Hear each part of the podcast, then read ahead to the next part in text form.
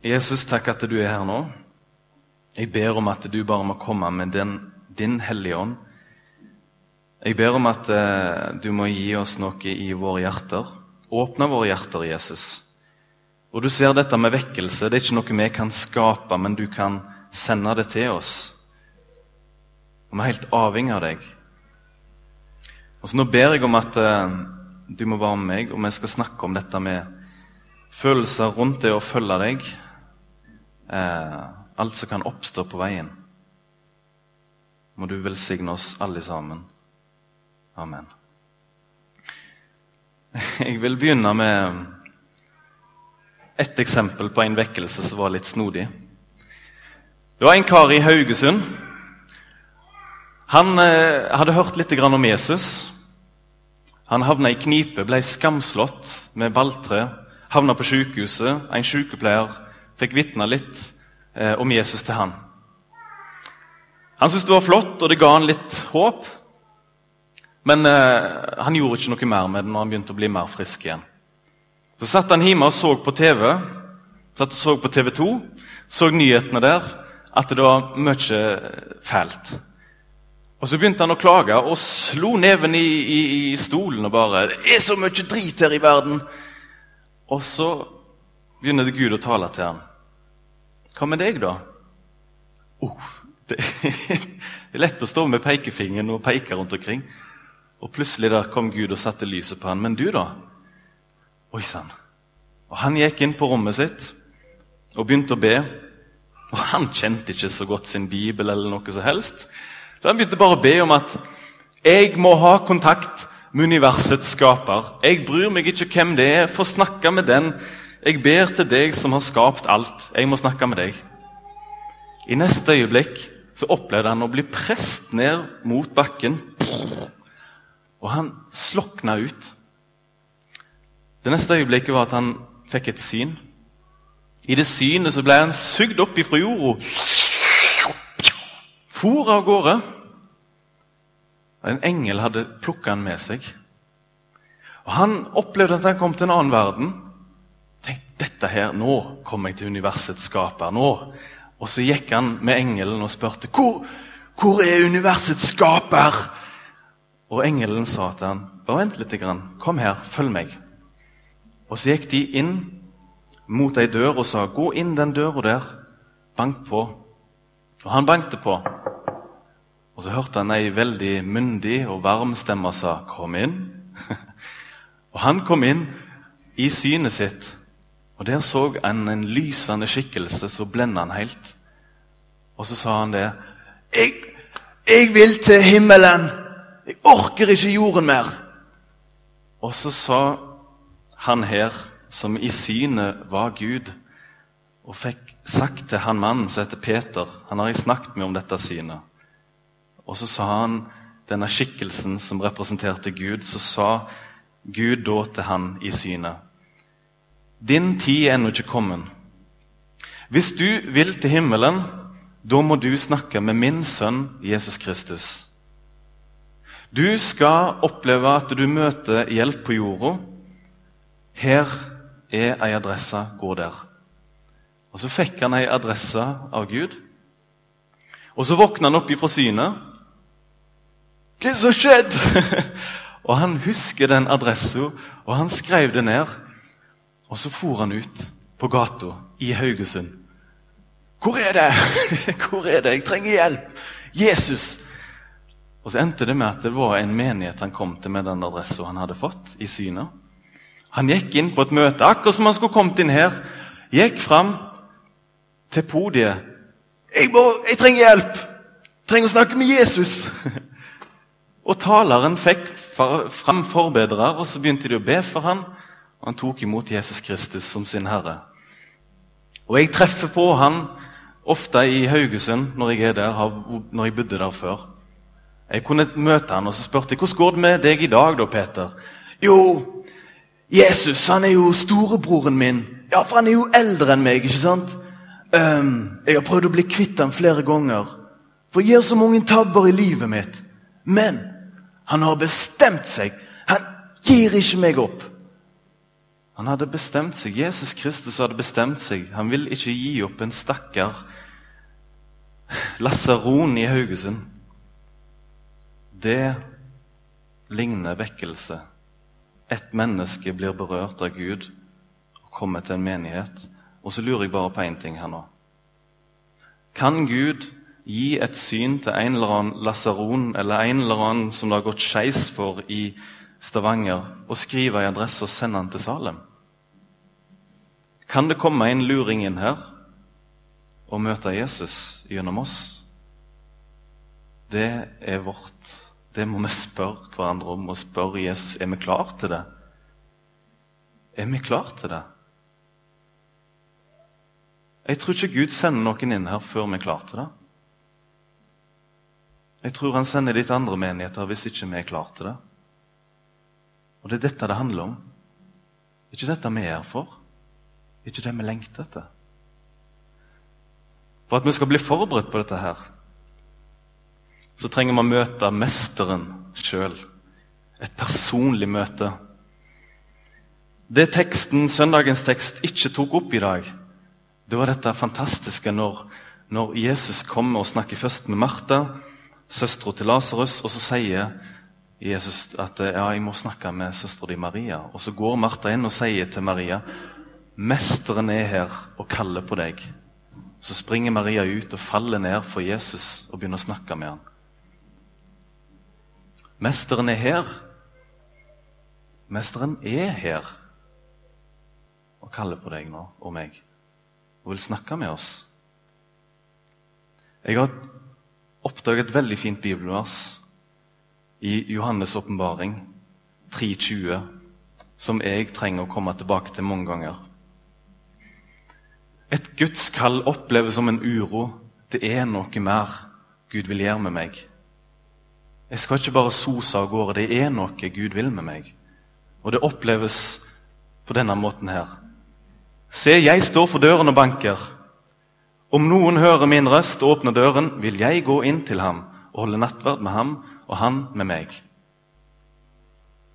Jesus han står ofte på utsida. Vi er så travle og har så mange tanker at vi har ikke plass til Jesus, nesten, tror jeg. Sånn kjenner jeg meg igjen av og til, at jeg må bare ta en timeout. Nå er Jesus på utsida av meg. Og så vil han inn, og så er det så herlig, for han, han kommer ikke på en snarvisitt. Han vil sette seg ned med meg med kjøkkenbordet, hive fram mat, tar en kopp kaffe med meg og snakker med meg. Det står han vil ha måltid med meg, han vil ta tid. Og så har jeg opplevd noen ting som Jesus har snakket med meg om i enerom. Og De erfaringene har jeg lyst til å dele med dere. Det er fem erfaringer som jeg ser er viktig hvis jeg og du skal bli i stand til å være menneskefiskere.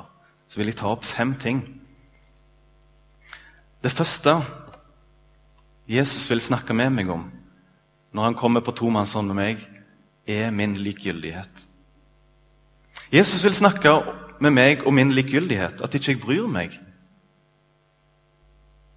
Jeg bryr meg så mye om meg sjøl, men ikke om hvordan det går med alle andre. En gang så var jeg her inne på Salem, og så kjente jeg at likegyldigheten bare kom over meg. Eller han hadde vært der en stund. Så tenkte jeg jeg jobber i Salem som ungdomsleder her og skal rundt omkring og gjøre masse. Så kjenner jeg at jeg, jeg har ikke ork til det lenger. Jeg bryr meg ikke nok. Og Så sto jeg her, og så husker jeg jeg hadde nøklene til Salem. Så la jeg de på scenen og tenkte Gi meg en grunn, Gud, for at jeg skal fortsette. Og så ba jeg her. Jeg var inne i time for meg sjøl og gikk rundt og ba. Så plutselig så stoppet jeg opp med det bildet der. Og så begynte Jesus å dele av sin hjertenød. Det at jeg var i lag med Jesus og bare hørte at han snakket om hvor glad han var i mennesker, så smitta han meg. Så Plutselig så begynte jeg å kjenne at det kom sigende inn en liten nød Plutselig så begynte jeg å Ja, jeg hører hva du sier, Jesus. Jeg stoppet opp med Getsemane. Jesus lå der og ba for meg, og det inspirerte meg å se når Jesus har gått på kne, han har svetta, han har dødd på korset for meg. Det inspirerte meg Jeg plukket opp nøklene. Jeg vil være med deg, Jesus. Takk at du deler av det som bor i ditt hjerte med meg. Og jeg kjente nøden og iveren kom smygende tilbake igjen. Og likegyldigheten begynte å forsvinne ut. Nummer én, vi må bare være i lag med Jesus og høre hva det er han er opptatt av. Og så vil han smitte oss og la det gå ifra likegyldighet til nød. Er, det er så viktig. Nummer to Videre så er det en annen ting Jesus vil snakke med oss om. Skammen. Går det an å dele evangeliet hvis du egentlig skammer deg over Jesus? Vi kan få opp Romerne 1,16. For jeg skammer meg ikke ved evangeliet, for det er en Guds kraft til frelse for hver dem som tror, både for jøde først, og så for greker. Hvorfor tror dere at det står skammen der? Tror ikke det at det er det vi kjenner på av krefter som kan hindre oss i å dele evangeliet? For vi skammer oss. Kjenner ikke du på det hvis du kommer til en frisørsalong eller kommer i Heimevernet eller kommer hvor som helst og du møter nye folk, og folk begynner å snakke med deg? Og så lurer du på når skal de begynne å komme alltid sånne spørsmål. Og så kjenner du at du egentlig så skammer du deg. Du gruer deg til det temaet kommer opp, at du er en kristen. Det vil Jesus ta et oppgjør med. Han vil få det vekk. Rive det ut. Jeg har opplevd det der. Jeg ble kristen da jeg var 18 år. I tre år drev jeg og soste. Det, det, kom ingen vei med meg. Jeg trodde at det, det var kristen handel om å, å bare få tilgivelse. Ferdig med det. Og så videre. Jeg husker når jeg var 20 år gammel. 20 år gammel så jobbet jeg ett år som dørvakt nede i sentrum. På fem forskjellige uteplasser. Skipperstua og Burger King, faktisk. og eh, Mange forskjellige uteplasser jeg jobbet på. Og Da ville jeg være en kristen. Husker det at jeg, Det var ikke snakk om at jeg ikke skulle være en kristen. Men alle mine 20 arbeidskollegaer som jeg sto dørvakt i lag med I løpet av ett år jeg var masse med dem. Jeg sa ikke ett ord at jeg var kristen til dem. Jeg vågde ikke. Jeg skamma meg. Og så kjente jeg på at Gud kalte på meg. Jeg måtte kutte med dørvakttjenesten. Jeg begynte et nytt liv. Og etter ett år med Bibel og bønn og kristen fellesskap så begynte det bare å vokse opp noe nytt. Og så kjente jeg at nå brenner det. Og så begynte jeg å se alle mennesker jeg ikke har vitna for, som jeg burde vitne for. Alle jeg har skamma meg overfor Jesus til. Og så gikk jeg husker jeg bare gikk og hadde ei lang liste. Den skal jeg snakke med, den skal jeg snakke med, den skal jeg snakke med. Og så gikk jeg og besøkte han, sjefen i dørvaktselskapet avtalte et møte med han ett år etterpå jeg hadde slutta. satte jeg meg ned og sa jeg, dette er grunnen til at jeg slutta som dørvakt. Ikke det og det og det, det var bare unnskyldninger. Men det at jeg var en kristen og trengte å, å begynne helt på ny med livet, for det, var, det gikk ingen retning. Jeg vågde ikke engang å si det til dere at jeg var en kristen. Så gale var det med meg. Og Så satt jeg der en time og vitna for han. Og så sa han der, han var jo fra Harstad, nordlendingen Sværen, som var sånn. og så sa han Hvorfor har du ikke fortalt det til meg før? Det er jo flott. Og så sa han du skal få jobb når som helst igjen hos meg. Kom når du vil. Han var bare glad for at jeg åpna meg, fortalte hvordan det var egentlig. Han slo meg ikke. Jeg hadde ikke grunn til å skamme meg. Når du er ekte så opplever mennesker det godt når du er ekte og rett ut og varm. Du har ingen grunn til å skamme deg over noe så flott som Jesus. Det som skjedde, var at skammen måtte bli knust. Og hva er sterkere enn skam? Det er brann. Nå skal vi få opp et bibelvers. Dette hjalp meg i uh, Jeremia 23, 29. Er ikke mitt ord som en ild sier Herren, lik en hammer som knuser berg. I løpet av ett år tok det, på Guds operasjonsbenk, med Guds ord, og litt etter litt så tok Gud og knuste vekk skammen og plasserte inn brannen. Og det må jeg tilbake til hver gang.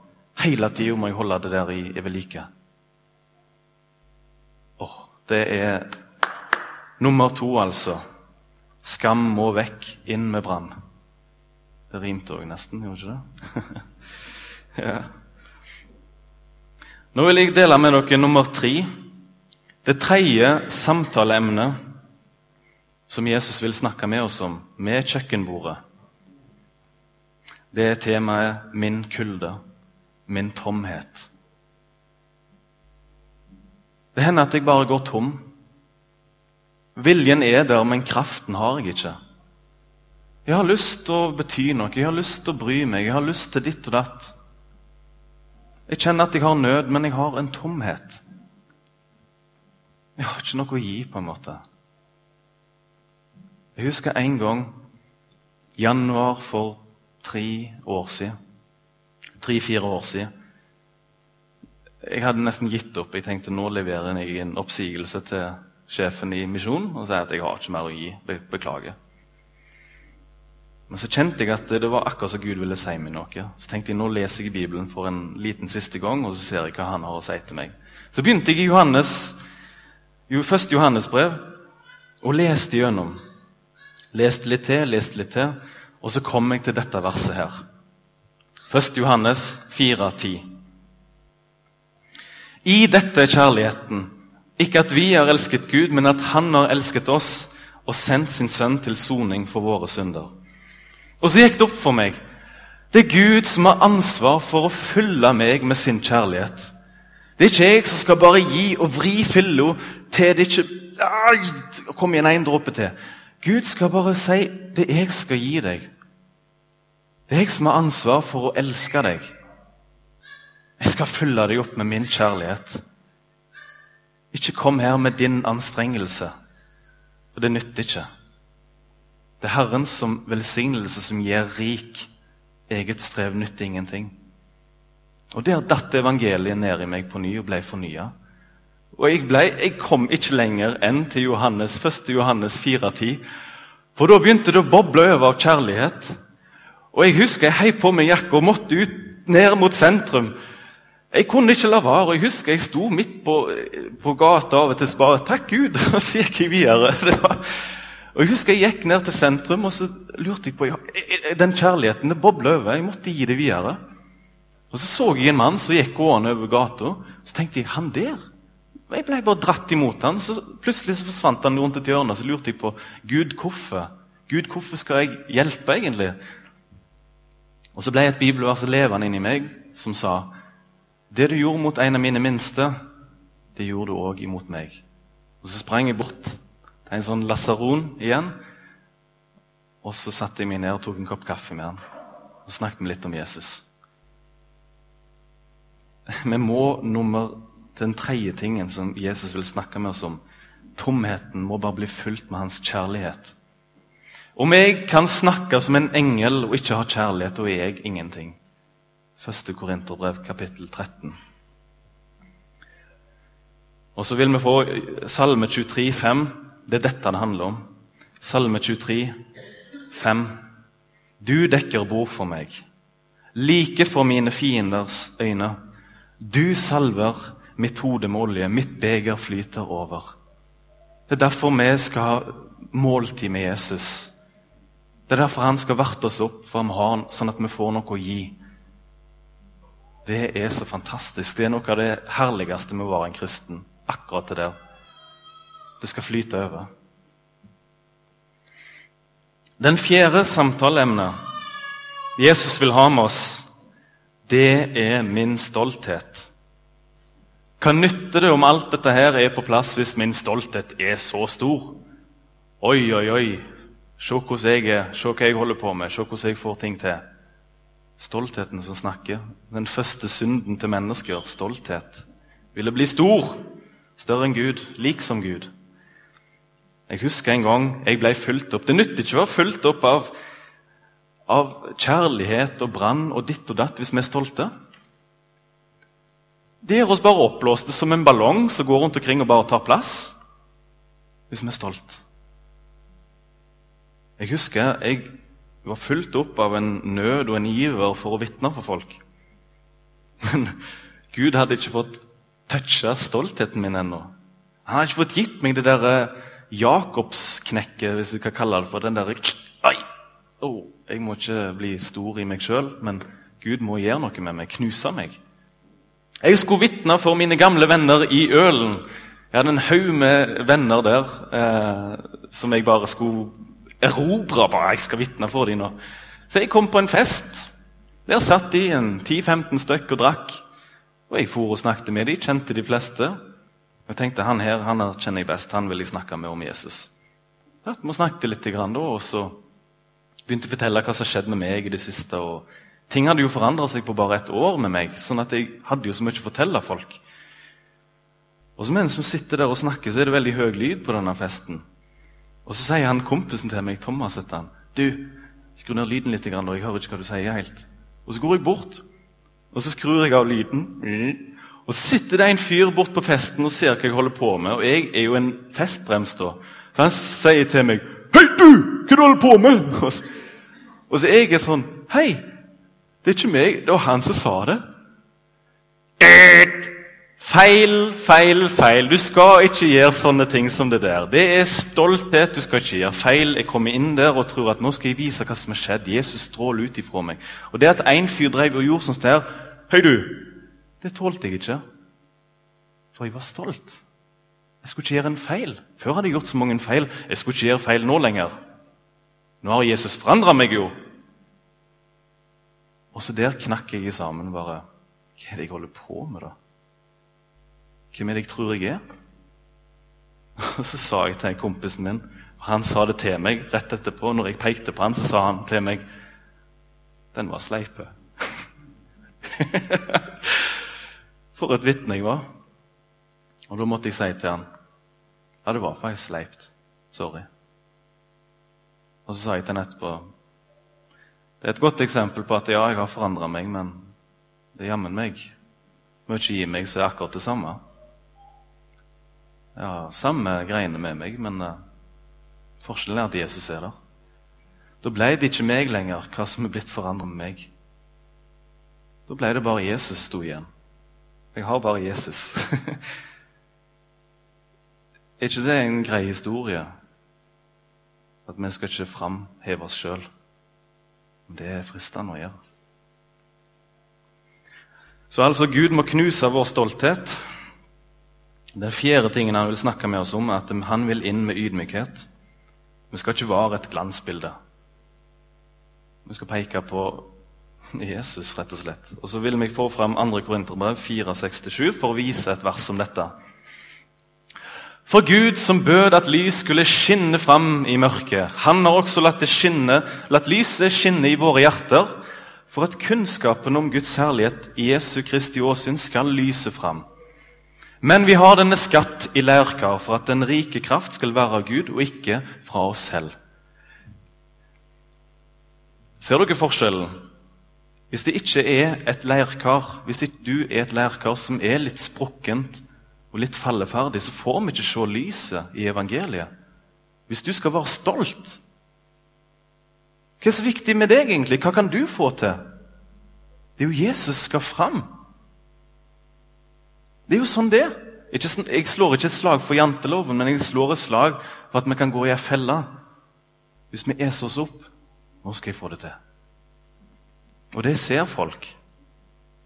Og så ser vi her det må skinne ut gjennom vår svakhet. Kunnskapen om Jesus. Det var det fjerde punktet. Det femte punktet som Jesus vil snakke med oss om på kjøkkenbordet, det er vår frykt. Frykt for å mislykkes. Tenk hvis jeg har den åpningen. Eller tenk hvis jeg skal besøke han der som ikke går på møter lenger. Tenk hvis jeg skal gå og be for en venn Eller tenk hvis jeg skal bare hilse på en ny i forsamlingen, og det ikke går så bra. Eller de ikke vil ha min hjelp. Er vi ikke redde for å mislykkes? At vi skal tabbe oss litt ut? Når Gud ga meg nød og brann og iver for å forkynne evangeliet, så var det én ting som sto før meg. Frykt! Jeg så bare frykt. Jeg så bare alt som kunne gå galt. Skal jeg hjem til mine venner og vitne for dem? Det kommer til å bli farlig. Skal jeg liksom gå på barnehage, eller sånn barnelag og søndagsskoler og fortelle til unger det kommer til å bli helt teit? Jeg bare så frykt. Så kjente jeg nå må jeg bare bla opp i Bibelen og se er det noe Gud har å si til meg. Og Jeg satt i Stavanger i Eikebergveien 8B, der jeg bodde da, i lag med et par kompiser. Det var rett før jeg skulle gå ifra Fjelltun bibelskole og bli sendt ut som ettåring. Jammen meg så mye frykt jeg kjente på. Og så leste jeg Matteus 28, 8, om to damer som har møtt Jesus. Og så får de beskjed, eller de har møtt at en, ei tom grav og møtt engler som sier 'Gå og forkynn. Gå og fortell om dette her.' Og så springer de av gårde. He-he! De, de, smiler jo, men de er liksom livredde. Har du sett det der når folk smiler, men øynene er redde? At øynene ikke er med dem, men smilet er? Du ser det ganske fort. Og Her sprang de bort ifra graven med frykt og stor glede. Det er sånn det er. Det er blanda følelser. Vi har nød, vi har iver, vi vil, men vi er redde. Og De løper av sted for å fortelle det til disiplene. Så leser jeg dette, her, så kjenner jeg meg igjen. 'Det er meg', sier jeg til Jesus. Og Så leser jeg litt videre, så står det at Jesus møtte de, de falt ned, så sa Jesus Han så følelsene. 'Vær ikke redde'. Vær ikke redde, men gå av sted. Så Jesus han har ikke tenkt å la oss springe rundt omkring med frykt i øynene. Han vil stoppe oss, snakke med oss. Fortell meg om dette her. Og Så fikk jeg bare gi det til han. Så tenkte jeg ok, når du er med Jesus, da kan det gå greit. Du er mesteren i å fiske. Jeg kan ikke fiske. Du kan lære meg å fiske. Så altså Frykt, det skal vekk. Frimodighet skal inn. Nå vil jeg bevege meg inn på det siste området. Jeg vil ta en liten oppsummering av de fem punktene. Jesus vil snakke med oss om vår likegyldighet og gi oss nød istedenfor. Jesus vil snakke med oss om skammen vår og gi oss en brann istedenfor. Jesus vil snakke om vår tomhet og gi oss kjærlighet istedenfor. Jesus vil knuse vår stolthet og gjøre oss til ydmyke mennesker det er behagelig å være sammen med. Jesus han vil ta vekk frykten din, og så vil han gi deg frimodighet. Amen for det? Ja. Dette er viktige ting. Eh, og så ser jeg at når, Jesus får snakket med oss på kjøkkenbordet om dette Og det kunne vært mange andre ting, men det får, det får jeg ta neste gang jeg er tilbake her. men nå kan vi begynne å se på fellesskapet vårt. Mesteren er å kalle på den enkelte av til å snakke og ta et oppgjør med disse tingene. her. Men nå som fellesskap så har vi en jobb i lag. Og da vil jeg gå over til hva teksten snakker litt om. Teksten snakker litt om tre viktige ting. Jesus ber mennesker flytte på en stein. Jesus kaller noen til å være steinryddere for han. En stein må vekk, en hindring må vekk, sånn at et nytt menneske kan ta imot Jesus. Og så vil han snakke med oss i dette her, så det handler det om bønn, at Jesus ba.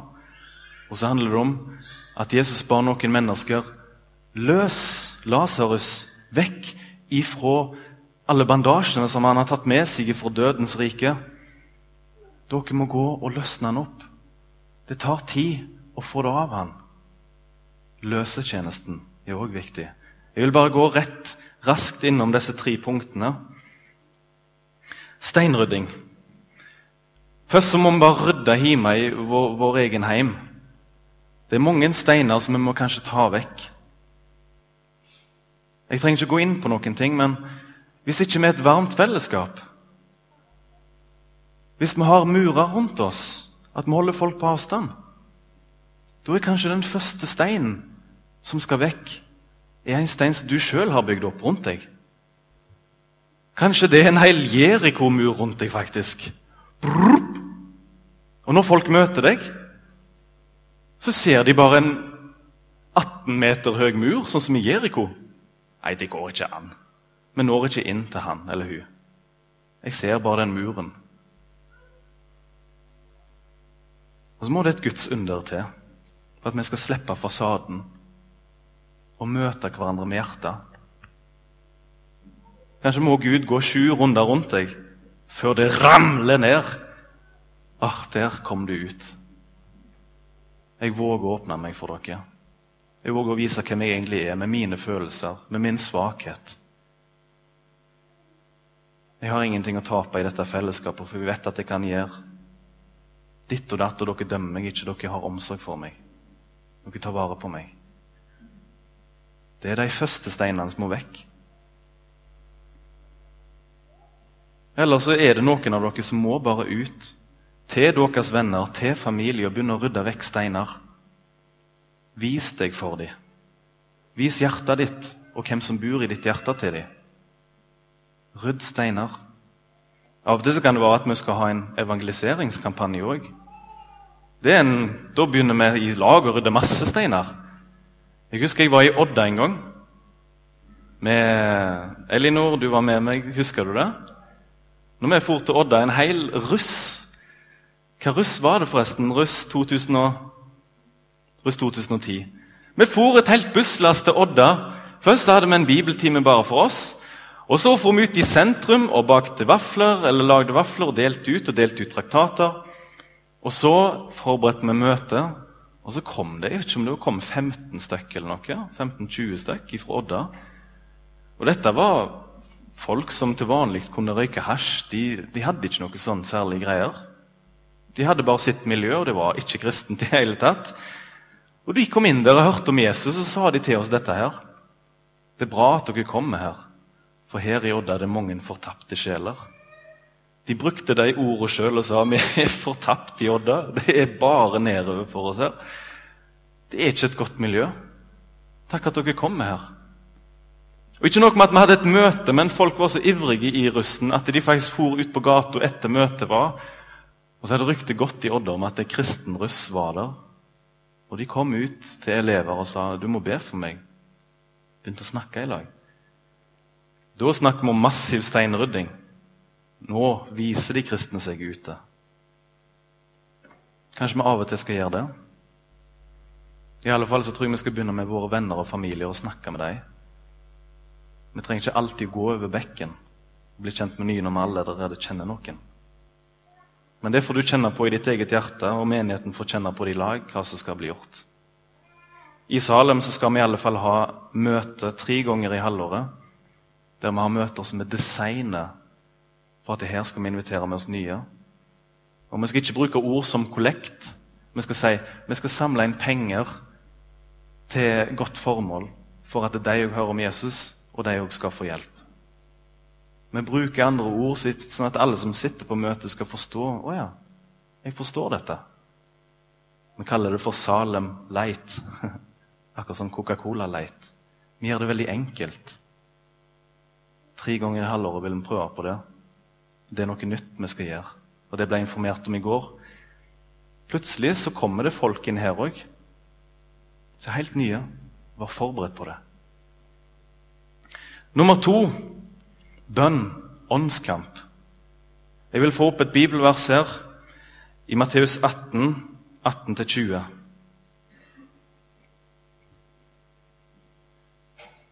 Ok, her. Sannelig sier dere, alt det dere binder på jorden, skal være bundet i himmelen, og alt dere løser på jorden, skal være løst i himmelen. Atter sier jeg dere, Alt det to av dere på jorden ble enige om å be om, skal de få av min far i himmelen. For hvor to eller tre er samlet i mitt navn, der er jeg midt iblant dem. Av og til, eller vi har bønnemøte på torsdag klokka 19.00. Det er en grunn til at det bønnemøtet er der. For uten bønn for menigheten så kan vi ikke gjøre noen ting. Det blir bedt på møtet her. Det blir bedt i mannsforeninger, kvinneforeninger, forskjellige plasser. Og det blir bedt på torsdagsmøte. Så har du ikke et bønnefellesskap, så er det et godt alternativ for deg å komme på torsdag klokka 19.00. Men jeg har opplevd og vært i Salem at det har skjedd i Salem at en taler har stått her og talt. Og det er akkurat som en vegg. Folk er urolige. Taleren klarer nesten ikke å se utover på folket. Det er helt urolig. Akkurat gnisninger. Og så husker jeg det var på et møte der en person bakerst reiste seg opp. Sto sånn og ba. For her var det en person som sensa her er det åndskrefter på gang. Som vil prøve å ødelegge. Og den taleren sto her framme. Og når den personen satte seg ned igjen, som hadde stått sånn og bedt Plutselig der satte møtet inn i et nytt gir. Vroom! Nå hadde noen bonde Satans makt. Og så ble mennesker kanskje satt og løst. Det er ikke tull at vi må be mye. Det er ikke en liten vane vi har, men det er faktisk en åndskamp. Skal det skje noe, skal mennesker bli løst i frihet, så må vi binde den mørke, den sterke. Og så må vi be om at mennesker skal bli løst. Derfor er bønn så viktig. Og jeg ser de brukte mye tid på bønn i den første menigheten. Det kan vi lære litt av, tror jeg. Og nummer tre løsetjenesten. Vi må passe på at vi ikke holder på med altfor mye tror jeg, i vårt menighetsarbeid. Og Hvis det kommer én person inn og blir frelst, da er det mange mange timers arbeid med den personen. En løsetjeneste er en medvandrertjeneste. Blir en mann frelst, så må en av dere menn følge han opp. Blir ei kvinne frelst, må en av dere kvinner følge opp. Og Kommer det ti stykk frelst, så kan halvparten av dere bare glemme å holde på med noe annet nesten i menigheten, for dette tar tid. Derfor er det viktig at vi i vår timeplan ikke følger opp alt helt til topps, men har litt rom for at Gud kan gjøre noe. Det kan faktisk skje noe der vi må være beredt. Jeg tror vi trenger flere medvandrere. Folk trenger ikke å bli frelst for å ha en medvandrer. Jeg tror at vi må bare begynne å snakke med hverandre. Bruke tid på hverandre. Jeg merker at det er en enorm effekt å bare begynne å snakke med hverandre. Om trua, om nådegaver, om tjeneste, om kall. Begynne å snakke i lag. Så løser vi av ting som vi har viklet oss inn i må hjelpe en annen å få vekk det som ikke skal være der. Løse tjenesten. Men først og fremst er det designa på at når folk blir frelst, så må dere følge dem opp. En av oss må gjøre det. Er dere enige i det? Mm. Dette er egentlig en tale. Nå er talen punktum. Dette er egentlig bare for å forberede oss på at ting kan skje. Så begynn nå med det som har blitt sagt. Og så får vi be om at Gud vil sende oss mennesker. At vi er i stand til å ta imot nye. Og det gleder jeg meg til. Og En siste oppmuntring til dere. Vet du hva eneste plassen i Bibelen der Gud springer, vet du hvor det er? Det er når den bortkomne sønnen kommer igjen. da springer Gud. Jeg tror at det skal bli fart i en menighet. Da må nye bli frelst. Da blir det fart. Da handler Gud. jeg gleder meg, jeg gleder meg dette blir kjekt. Jeg håper det virkelig at vi ber om at Gud skal frelse folk og sende dem til oss. Da blir det fart. Så får vi be om at det skal skje. Jesus, vi må bare ydmykt si at dette, dette er ting som ikke vi er i stand til å klare sjøl. Vi må bare ydmykt be deg om at du hjelper oss med dette. Jeg ber om at du må tilgi oss for Tilgi oss for alt det som Alle gangene vi ikke har vært i lag med deg, Jesus, alle gangene vi har gått våre egne veier. Tilgi oss for det. Jeg ber Jesus om at du skal gi oss en nød, Herre. Gi oss en brann. Gi oss av din kjærlighet. Gjør oss ydmyke og gi oss frimodighet, Herre. Hjelp oss å være en menighet som kan drive med steinrydding, med bønn og med løsetjeneste.